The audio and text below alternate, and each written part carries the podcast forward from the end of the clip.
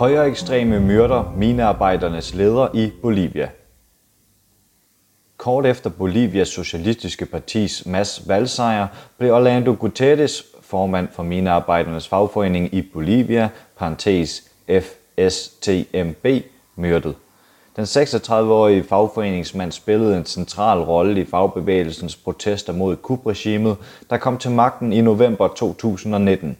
Damas, bevægelsen for socialisme, blev erklæret som vinder af valget i 2019, blev resultatet afvist af den samlede højrefløj i landet, som iværksatte omfattende voldelige protester.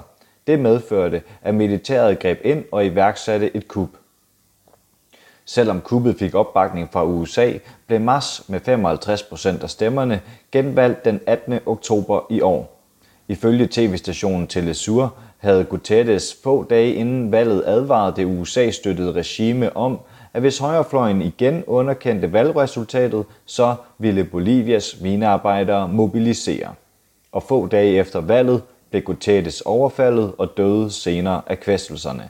Ifølge fagforeningen FSTMB blev Guterres myrdet af den fascistiske højrefløj og dens legemordere som en hævnaktion for, at Mas igen vandt valget. FSTMB anklager de såkaldte Petitas for mordet på Guterres. Petitas er en højere ekstrem bevægelse, der er indædte modstandere af Mas og spillede en afgørende rolle i kuppet mod Mas-regeringen. Petitas underkender igen valgresultatet i år. Jeg udtrykker dyb sorg over bruder Orlando Guterres bortgang. Han var en stor mineleder, der altid forsvarede det bolivianske folks interesser, siger Bolivias kommende præsident Luis Arce ifølge Telesur. Også herhjemme er mordet på Guterres blevet fordømt. 3F's internationale afdeling 3F International har i en udtalelse beskrevet Guterres som formand for det historiske Minearbejderforbund og leder af fagbevægelsens omfattende protester. 3F International oplyser desuden, at Guterres var klar over, at hans ledende rolle i kampen mod kubregimet udgjorde en stor risiko for ham.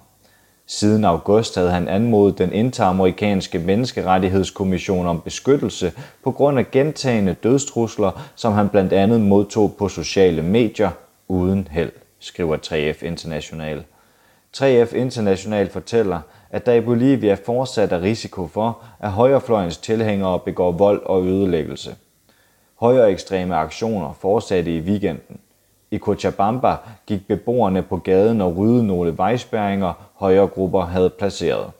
Lørdag satte bander i Santa Cruz ild til flere handlendes boder og butikker, skriver 3F International og fortsætter.